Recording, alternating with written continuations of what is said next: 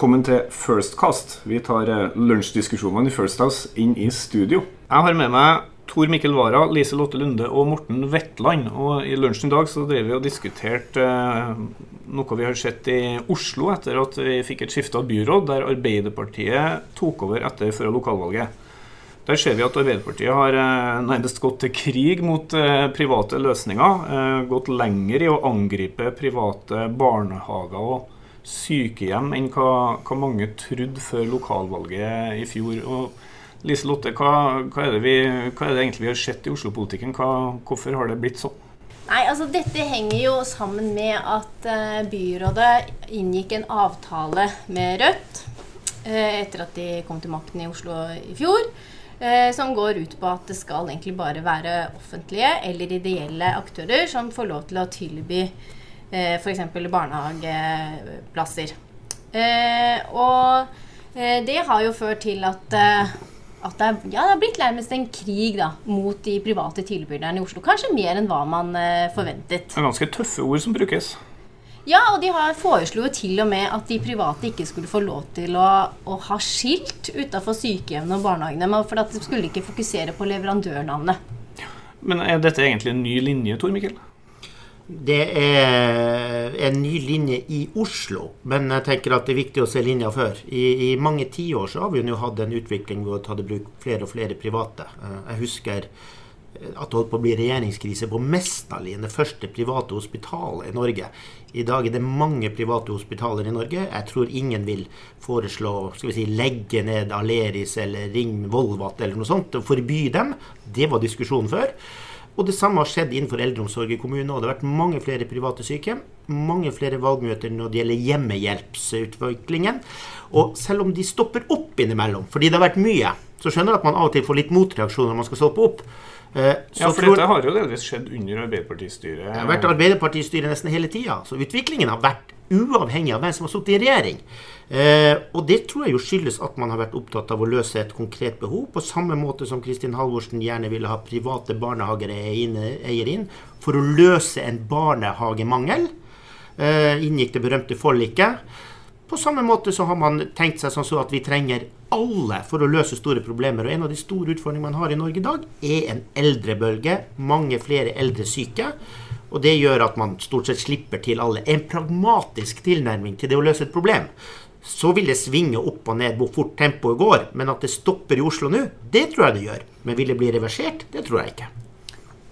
Men eh, sånn retorisk har vi jo fått en litt annen debatt enn det vi har hatt tidligere. Altså Eh, hva var det på 90-tallet at man fikk en sånn debatt knytta til eh, økt frihet og valgfrihet for, eh, for folk flest. Eh, og så har vi jo sett nå hvordan venstresiden svarer på dette her med å bruke ord som velferdsprofitører. Det snakket vi ikke om for ti år siden. Og barona, De som ja, drev asylbarona, var de som bygde ut ja. asylmottak. Ja, og jeg tenker at eh, det er, viser at si, de som er for private løsninger, har vært litt slapp i argumentasjon. Fordi det viktige og vesentlige her er jo fortsatt ikke produsenten, eieren av produksjonsfabrikken. Det er at fru Andersen når hun da skal velge et tildelt et visst antall hjemmehjelpstimer, skal hun få lov å velge hvem som skal komme hjem av selskaper, eller skal hun ikke få velge det? I sin tid var Arbeiderpartiet med Rune Gerhardsen veldig imot det. Når det var innført, så sa Rune Gerhardsen dette endrer vi ikke på. Når kaviaren er kommet ut av tuben, så får du den ikke inn igjen. Og Derfor tror jeg det er vanskelig å se at disse tingene blir revidert, eller reversert. Men de vil stoppe opp, og det vil være kritikk. Og det kan godt hende at det er nyttig at det er innimellom. Altså det jeg har lurt på er om uh, det vi ser i Oslo nå, kan være et uh, For det er jo mer enn bare ord, det som har skjedd i Oslo. De har jo endra en politikk eh, overfor private. Så det jeg har lurt på, er om, om, det kan være et slags frampek til hva vi kan se på nasjonalt plan, dersom det kommer et, et regjeringsskifte om et år. da, At Jonas kan også stå for en tøffere linje mot private enn, enn hva Jens Stoltenberg kanskje gjorde. Jeg vet ikke, Morten, hva du, hva du tenker om det? Nei, jeg tror ikke han kommer til å gjøre det. For jeg tror han eh, er opptatt av resultatene. Eh, og vi må huske at ordet helsekøer hang som en møllestein rundt halsen på Arbeiderpartiet i en årrekke. Eh, hvor det å motsette seg en, en, større tilbud også av private deltakere for å få ned helsekøene, det var ikke egentlig noe særlig lurt. Så dette, dette, var det mange som mente var riktig den gangen, og de kommer ikke til å reversere på det i stor stil, kan jeg tenke meg. Det som av og til fører til disse stop and goes, det er jo at disse sektorene som vi har regnet og tenkt på som offentlig drevet eh, fra vi var små, nær sagt, der kommer uh, episoder med betydelige utbyttebetalinger, altså uh, hvor kostnadene drives ned gjennom antagelig det sies ofte da dårligere mat, som veksles ut i utbytte til eierne. Og når det tas ut utbytte, så snakker vi ofte i seks- og syvsifrete beløp. sånn og da snakker jeg nå om at skattepenger går til utbytte i stedet for til velferd. Ja, Om det er skattepenger alltid, det er liksom Men det er iallfall det som skal til for å drifte denne delen av de tjenestene som samfunnet trenger. da.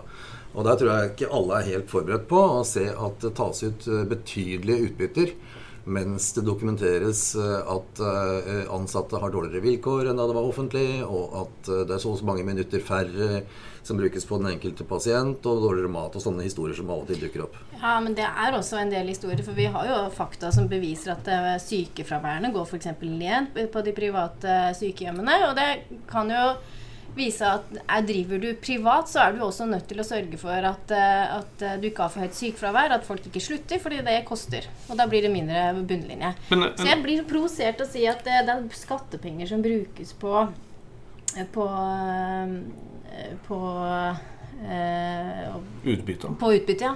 Eh, fordi at skattepenger bruker man jo også på å stimulere til næringsaktivitet i dette landet her. Og, og så får du en dårlig avling, så får bøndene støtte. Så vi, altså, det der, der, er jo egentlig bare et spinn av ord. Men altså, her eh, sier man at eh, Arbeiderpartiet er pragmatisk og eh, ser at private kan spille en rolle når du skal løse et problem. Om det er helsekøer eller om det var barnehagekøene som vi hadde på 90-tallet, da også SV satt og bygde ut barnehager. Men det jeg har lurt på er, eh, kan ikke likevel eh, den debatten som er nå om nettopp utbytter, eh, det her etableringa av helseprofitører og asylbaroner, som kan ikke presse Arbeiderpartiet til å være mer mot private enn hva ledelser kanskje som innerst inne egentlig er? Altså, dette kommer til å ha en debatt om i Arbeiderpartiet så lenge det er Arbeiderpartiet. Uh, og det kan være forskjellige løsninger fra kommune til kommune, litt avhengig av sammensetningen av kommunestyrene. F.eks. siden at dette langt på vei er kommunale ansvar. Men jeg har vanskelig for å se for meg at det skulle gå noe, noe, bli noe reversering på riksplan som kommer ut av Arbeiderpartiet i løpet av uh, valgåret neste år. Det, det, har jeg vanskelig å tro på, fordi de uh, ser at det er nå flere at vi har god barnehagedekning, og vi har færre helse, altså vi har ikke de helsekøene. Så kommer det av og til ting som man kanskje kan rydde opp i. Jeg vet ikke om det går an å regulere f.eks. nivået på utbytte fra deler av disse virksomhetene. Det kan tenkes, og jeg kjenner ikke detaljene til hvordan dette er styrt i dag. For det er jo en konsesjon som de får, med vilkår som settes av det offentlige. Og det er jo det de har prøvd å stramme inn nå i Oslo. Ved å si at alt av penger som går til barna, det skal ikke være noe utbytte. Og da er det noen som sier at da, da setter du nesten vilkårene så stramt at det blir mulig å drive kommersielt. da. Men jeg tror, og det, det kan nok hende at du har sånne Men jeg tenker igjen, det er viktig å se det langsiktig. For det er veldig lett å bli skal vi si, nærsynt på den debatten som pågår nå. Mens den langsiktige trenden utvilsomt er mer private løsninger. Altså, øh, og nesten ingenting blir putta tilbake igjen. Ingenting, stopp, ingenting, blir reversert, men det stopper og går, stopper og går. Og du har disse debattene her. Eh, jeg tror jo at det også er sånn at når du får flere private løsninger, så vil du alltid ha noen eh, uheldige ting som venstresiden vil bruke. Og så vil du ha noen positive ting. La oss ta dette sykehjemmet som har både Vålerenga pub og butikk og alt dette her, som de på andre vil bruke. Det er en del av en debatt som kanskje er ok og sunn. Det er en sånn benchmarking av private mot offentlig som skal være der. Men, men trenden er at du har en enorm utfordring når det gjelder helsetilbud til eldre. Og det blir nesten umulig å utelukke en hel sektor, altså privat sektor, og si dere kan ikke være med å løse den oppgaven. Jeg så noen som mente at eh, Jonas sin bakgrunn Han har jo på en måte ikke vokst opp gjennom arbeiderbevegelser og, og gjennom Arbeiderpartiet på samme måte som Jens Stoltenberg hadde. Eh, noen mente at, at, det, eh, Jonas sin manglende bakgrunn nesten eh, i Arbeiderpartiet, gjør at han kanskje er mer sårbar for å bli pressa av LO og fagbevegelser. Det er jeg ikke sikker på. Jeg, husker på, jeg tror ikke det er noen Arbeiderparti-leder som har vært utsatt for så sterkt press fra LO som Jens Stoltenberg, så lenge Geir Liv Valla var leder av LO. Det tror jeg mm. uh, Jens Stoltenberg vil være ja, si ja til. At sånn opplever han det. Um, Jonas er veldig klar over at han starter litt på etterskudd i og med at han ikke var med i denne bevegelsen så sterkt eh, fra barnsben av. Og, og, han har jo fra han ble har sagt eh, partileder og, og, før det lagt vekt på å uh, ha nær kontakt med fagbevegelsen. Ble kjent med kulturen i de enkelte fagforbundene under særlig LO-systemet. Og bli kjent med menneskene der. Eh, eh, og vel vitende om at han må, har måttet kompensere for at han ikke hadde de kontaktene for 20 år siden og 30 år siden. Men om det vil føre til noe større press, det tror jeg absolutt ikke. Jeg tror det vil føre til et veldig pragmatisk samarbeid. Og nå får vi, ser ut til, en LO-leder som er kjent for nettopp det. At han har et rolig gemytt og er en samarbeidesmann og som står opp for sine medlemmers interesser og gjør det på en saklig måte. Og det tror jeg kommer til å bli aldeles utmerket eh, samarbeid og mye diskusjon og en del uenighet mellom han og Jonas Wist. Det blir han som skal styre landet. Så kommer det litt an på hvem Jonas skal samarbeide med i regjering. Hvis han skal samarbeide med, med sentrumspartier, altså Senterpartiet og KrF, og særlig KrF, da, som er jo veldig for eh, at de ideelle skal eh, bidra med de offentlige tjenester, ja, så tror jeg ikke akkurat det blir noen sånn innskrenkning der. Men det altså, havner han i regjering med, med, SV, som jo har en veldig tydelig linje på dette her nå, så kanskje det ikke blir sånn som Tor Mikkel tror. Kanskje det skjer noe. Nei, jeg tror ikke det. De ideelle har vi hatt hele tida med. Eh, og tvert imot så er det sånn at det som har utviklingen også vært for de ideelle, det er at de må lære seg å konkurrere med de private. De, må. de har jo levd, levd et beskytta tilværelse tidligere. Mm. Nå har de blitt utsatt for litt konkurranse, og nå løper de selvfølgelig til mellompartiene og ber om beskyttelse igjen. Det skjønner jeg at de gjør, men, eh, men jeg tror ikke de får det over tid. Ja, men så er det jo kommet nye altså, reguleringer fra EU som nå sier at man skal likebehandle de ideelle og de private. Yes. Og det nekter de ideelle og for så vidt KrF også å forholde seg til, for de vil jo fortsatt at de ideelle skal ha forrang. Det var nesten opptakten til en EU-EØS-debatt, så jeg tror vi skal la den ligge i denne omgang. Det var det vi rakk eh, på det her temaet. Da har jeg med meg Morten Andreas Meyer, Bjørg Leinum Seim og Ole Berge. Og i lunsjen eh, tidligere en dag her så diskuterte vi eh, kortsiktighetens tyranni. At forholdet mellom politikk og media gjør at politikerne eh, springer etter i stedet for å, å sjøl sette dagsorden og ta ledelse. Og Morten mente at dette kunne ha noe sammenheng med sammensetninga eller oppbygginga av departementene. Morten, kan du utdype hva du mente? Ja, så er jo kortsiktighetens tyranni også med på å gjøre store saker små, og enda verre små saker store. Eh, og det tror jeg det kommer veldig godt fram i hvordan departementene nå er satt sammen, og hvordan sammensetningen endres. Ta f.eks. Kommunal- og moderniseringsdepartementet. Én statsråd, eh, fem eh, statssekretærer og en politisk rådgiver. Eh, og et kommunikasjonsapparat ansatt eh, med mer enn 20 medarbeidere. Det de driver fagavdelingen i departementet til, som egentlig skal forberede politikkutvikling for statsråden, det er å finne de små sakene som gjør at statsråden kortsiktig kan skinne. Så, så at media eh, betyr mer enn politikkutvikling? Ja, her er det jo politikerne som ber kommunikasjonsavdelingen, som etterpå ber fagavdelingene om å lage saker som kan selges ut i media, og som ikke er saker som nødvendigvis er viktige men som gir statsråden anledning til å skinne. Og det det går utover, det er embetsverkets viktigste rolle, nemlig å drive langsiktig politikkutvikling og sørge for at den til enhver tid sittende regjering har et best mulig utgangspunkt for å fatte de gode politiske beslutningene. Bjørg, du har jo vært uh, toppbyråkrat. Er det et bilde du kjenner deg igjen i? Eh, ja, det kan jeg jo absolutt uh, bekrefte. Politikkformidling har blitt svært viktig når du jobber i et departement. Og det handler også om taktisk-strategisk rådgivning i forhold til hvordan komme på. Sånn at jeg tror nok det er helt riktig at uh, det gis forrang i forhold til uh, politikkutvikling. Og så har det også noe med at det har en litt annen logikk. Uh, det handler om tempo, det handler om forenkling og den type ting. Mens det er helt andre forhold som bør prege arbeidet ditt når du jobber med politikkutvikling.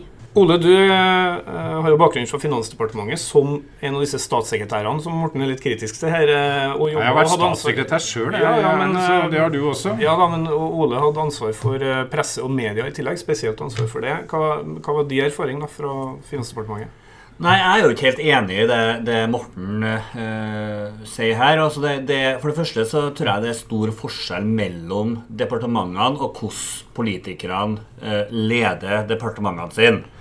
Men når vi satt på morgenmøtene, så var det jo ofte eh, at vi eh, på en måte eh, sa at denne saken orker ikke vi å mene noe om, for den er for liten. Så, så jeg, jeg, opplever jo at man også tok den vurderinga. Men motsatsen er jo selvfølgelig at det er en enorm forventning om at politikere skal være tilgjengelig hele døgnet, året rundt, for pressen. Eh, og når pressen da tar opp små saker, så kan det også av og til eh, være nødvendig at politikere men, diskuterer små ting. Men det er jo en forventning som politikerne selv understøtter ved å bry seg om de små sakene og aldri gjøre pushback til journalistene. Det er jo fullt mulig for en politiker å si vet du hva, dette spørsmålet uh, har jeg ikke noen mening om. Uh, dette er det altså, så mange ganger stortingspolitikere bryr seg om det fylkespolitikerne og kommunepolitikerne faktisk har ansvar for. Da må du kunne si vet du hva, det må du snakke med kommunestyrerepresentanten i Jeg er helt, helt enig, men jeg tror ikke at du må skjære alle politikere over én kam. Jeg tror at det fins mange politikere, jeg vet at det fins mange politikere som er veldig eh, dyktige til å skille ut hva som er viktig, og hva som ikke er viktig. Men det kan jeg bekrefte. fordi at eh, jeg tror at eh, jeg jobba med fem eller seks helseministre og hvordan ministrene leder sitt departement, det er svært avgjørende for hvordan departementet jobber. Eh, der erfarte jeg en eller to stykker eh, som var svært dyktige til å sette en retning, ha et tydelig politisk prosjekt. Og da så du at embetsverkets mulighet til å jobbe med politikkutvikling ble langt større.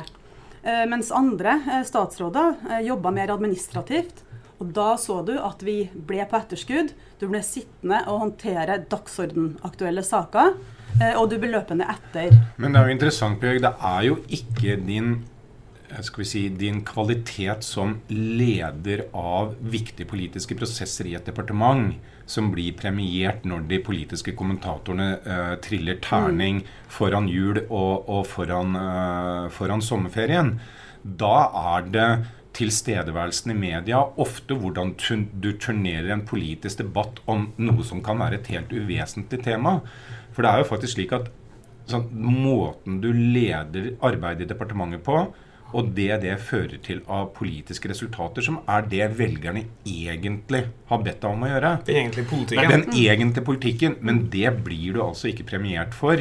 Eh, men jeg mener du kan ikke skylde på media alene, fordi det er også en virkelighet som politikerne selv er med på å skape ved å la seg invitere til å løpe etter istedenfor å gå foran. Kan ikke skylde på media alene, helt enig, men jeg tror heller ikke du kan skylde på politikerne alene. Og så er jeg helt enig med deg, Morten. Eh, det, etter å ha vært på innsida, så er det mange av de terningkassene som eh, både er for høye og for lave, for å si det sånn. Ja, Den premierer i hvert fall ikke de politikertypene vi egentlig ønsker skal lede landet vårt. Men samtidig så vil jeg ha politikere som også er tydelige og sier hva man ønsker, og hvorfor man gjør ting, i media. Men én ting er jo at eh, vi har snakka veldig mye nå om at, eh, at det blir løpende etter. og det kommer jo veldig veldig mange henvendelser til et departement. I snitt mellom seks og ti daglig, faktisk. Eh, i de travleste departementene. Men det handler jo også om at politisk ledelse selv ønsker å komme på i media og selv sette dagsorden. Sånn at det brukes det jo også mye ressurser på. Men i den posisjonen kan du kun komme hvis du, hvis du ikke blir styrt av dagsorden og kommer på defensiven. En del av jobben, det å være i media, det å møte velgere, det å stå til ansvar for det man gjør, det å fortelle velgere hvorfor man gjør det, er også en del av jobben. Og så er jeg helt enig med deg, Morten det er vel så viktig at man faktisk driver gjennom de politiske prosessene. Det er jo kanskje et, det er jo kanskje et iboende paradoks her, da. At folk eh, vil jo ha politikere som eh, står for noe, skal jeg si, og det er jo politikken de mener de stemmer på. Det handler om, om samfunnsretning og gjennomføring av politikk. Samtidig er det jo synliggjøringa og, og, og medieprofileringa som avgjør at du blir verd. Men er det den bobla politikere og journalister lever i sammen? Som gir oss en definisjon av hva vi tror velgerne vil ha av sine politikere, eller er det hva faktisk velgerne etterspør? Jeg tror velgere faktisk foretrekker politikere som bryr seg om de store spørsmålene, som trekker opp de lange linjene, som også har mot til å gå foran istedenfor å løpe etter og innta et standpunkt som du tror er populært, og som gir deg en positiv oppmerksomhet i media. Men jeg tror den bobla journalister og politikere lever i, definerer en litt annen virkelighet. Jeg tror at her er velgerne litt sånn uh, ubevisst uærlige hvis du snakker med dem. Hvis du spør dem, så kommer de til å si at de vil ha de politikerne du beskriver nå, mens de i praksis uh, baserer stemmen sin veldig mye på uh, det de rett og slett bare ser i mediebildet, bevisst og ubevisst. Men tenker vi at eh, teknologien også bidrar til det vi kaller kortsiktighetens tyranni? Nå har vi jo en regjering som er veldig offensiv i forhold til å bruke eh, sosiale medier bl.a. Det syns jeg også opposisjonen har blitt flink til. Dette er tid i tegn, tegn i tiden at man er avhengig av å håndtere et bredt mangfold av plater hvor man kan være synlig for offentligheten. Men ta et nærliggende eksempel. Nå har vi siden 6.10 hatt en diskusjon som dreier seg om en bitte liten flik av statsbudsjettet, nemlig avgiftene på bensin og diesel, og det politiske spillet for å komme fram til et flertallsbudsjett. Det har ikke vært noen diskusjon om det, det som er dette statsbudsjettets egentlig store utfordring, nemlig en raskt økende bruk av petroleumsinntekter som ikke er bærekraftig. Det er en debatt som er helt borte, og som burde vært den viktige debatten på vei inn i Stortingets behandling av statsbudsjettet. Det er et eksempel på hvordan politikere sammen med media driver debatten mot noe som egentlig men hvor mange av innbyggerne i Grong tror du er ekstremt opptatt av oljepengebruk og ønsker at politikerne skal snakke mer om det? da? Det kan jo hende at innbyggerne i Grong blir opptatt av det hvis det er det media og politikere inviterer til debatt rundt. Jeg også savner den debatten, eh, at man bør, bør, løfte debatten på et høyere nivå når man eh, skal behandle et statsbudsjett. Eh, så er jeg jo uenig med Morten. Jeg mener at økonomien og, og oljepengebruken er tilpassa den økonomiske situasjonen Norge faktisk står i. Men der kom den tidligere Du er jo ikke spinndoktor i, i Finansdepartementet lenger nå, Ole? Nei, men jeg er jo veldig opptatt av at det skal gå bra med Norge. da. Jeg tror vi stopper den diskusjonen her. Eh, det var i hvert fall det vi rakk på dette temaet i dag. Takk for at du hører på First Cast. Det syns vi er veldig stas. Du kan eh, finne et eh, arkiv over tidligere episoder på nettsida vår, firsthouse.no. Og så kan du ikke minst abonnere på iTunes og på Android. Vi er snart tilbake.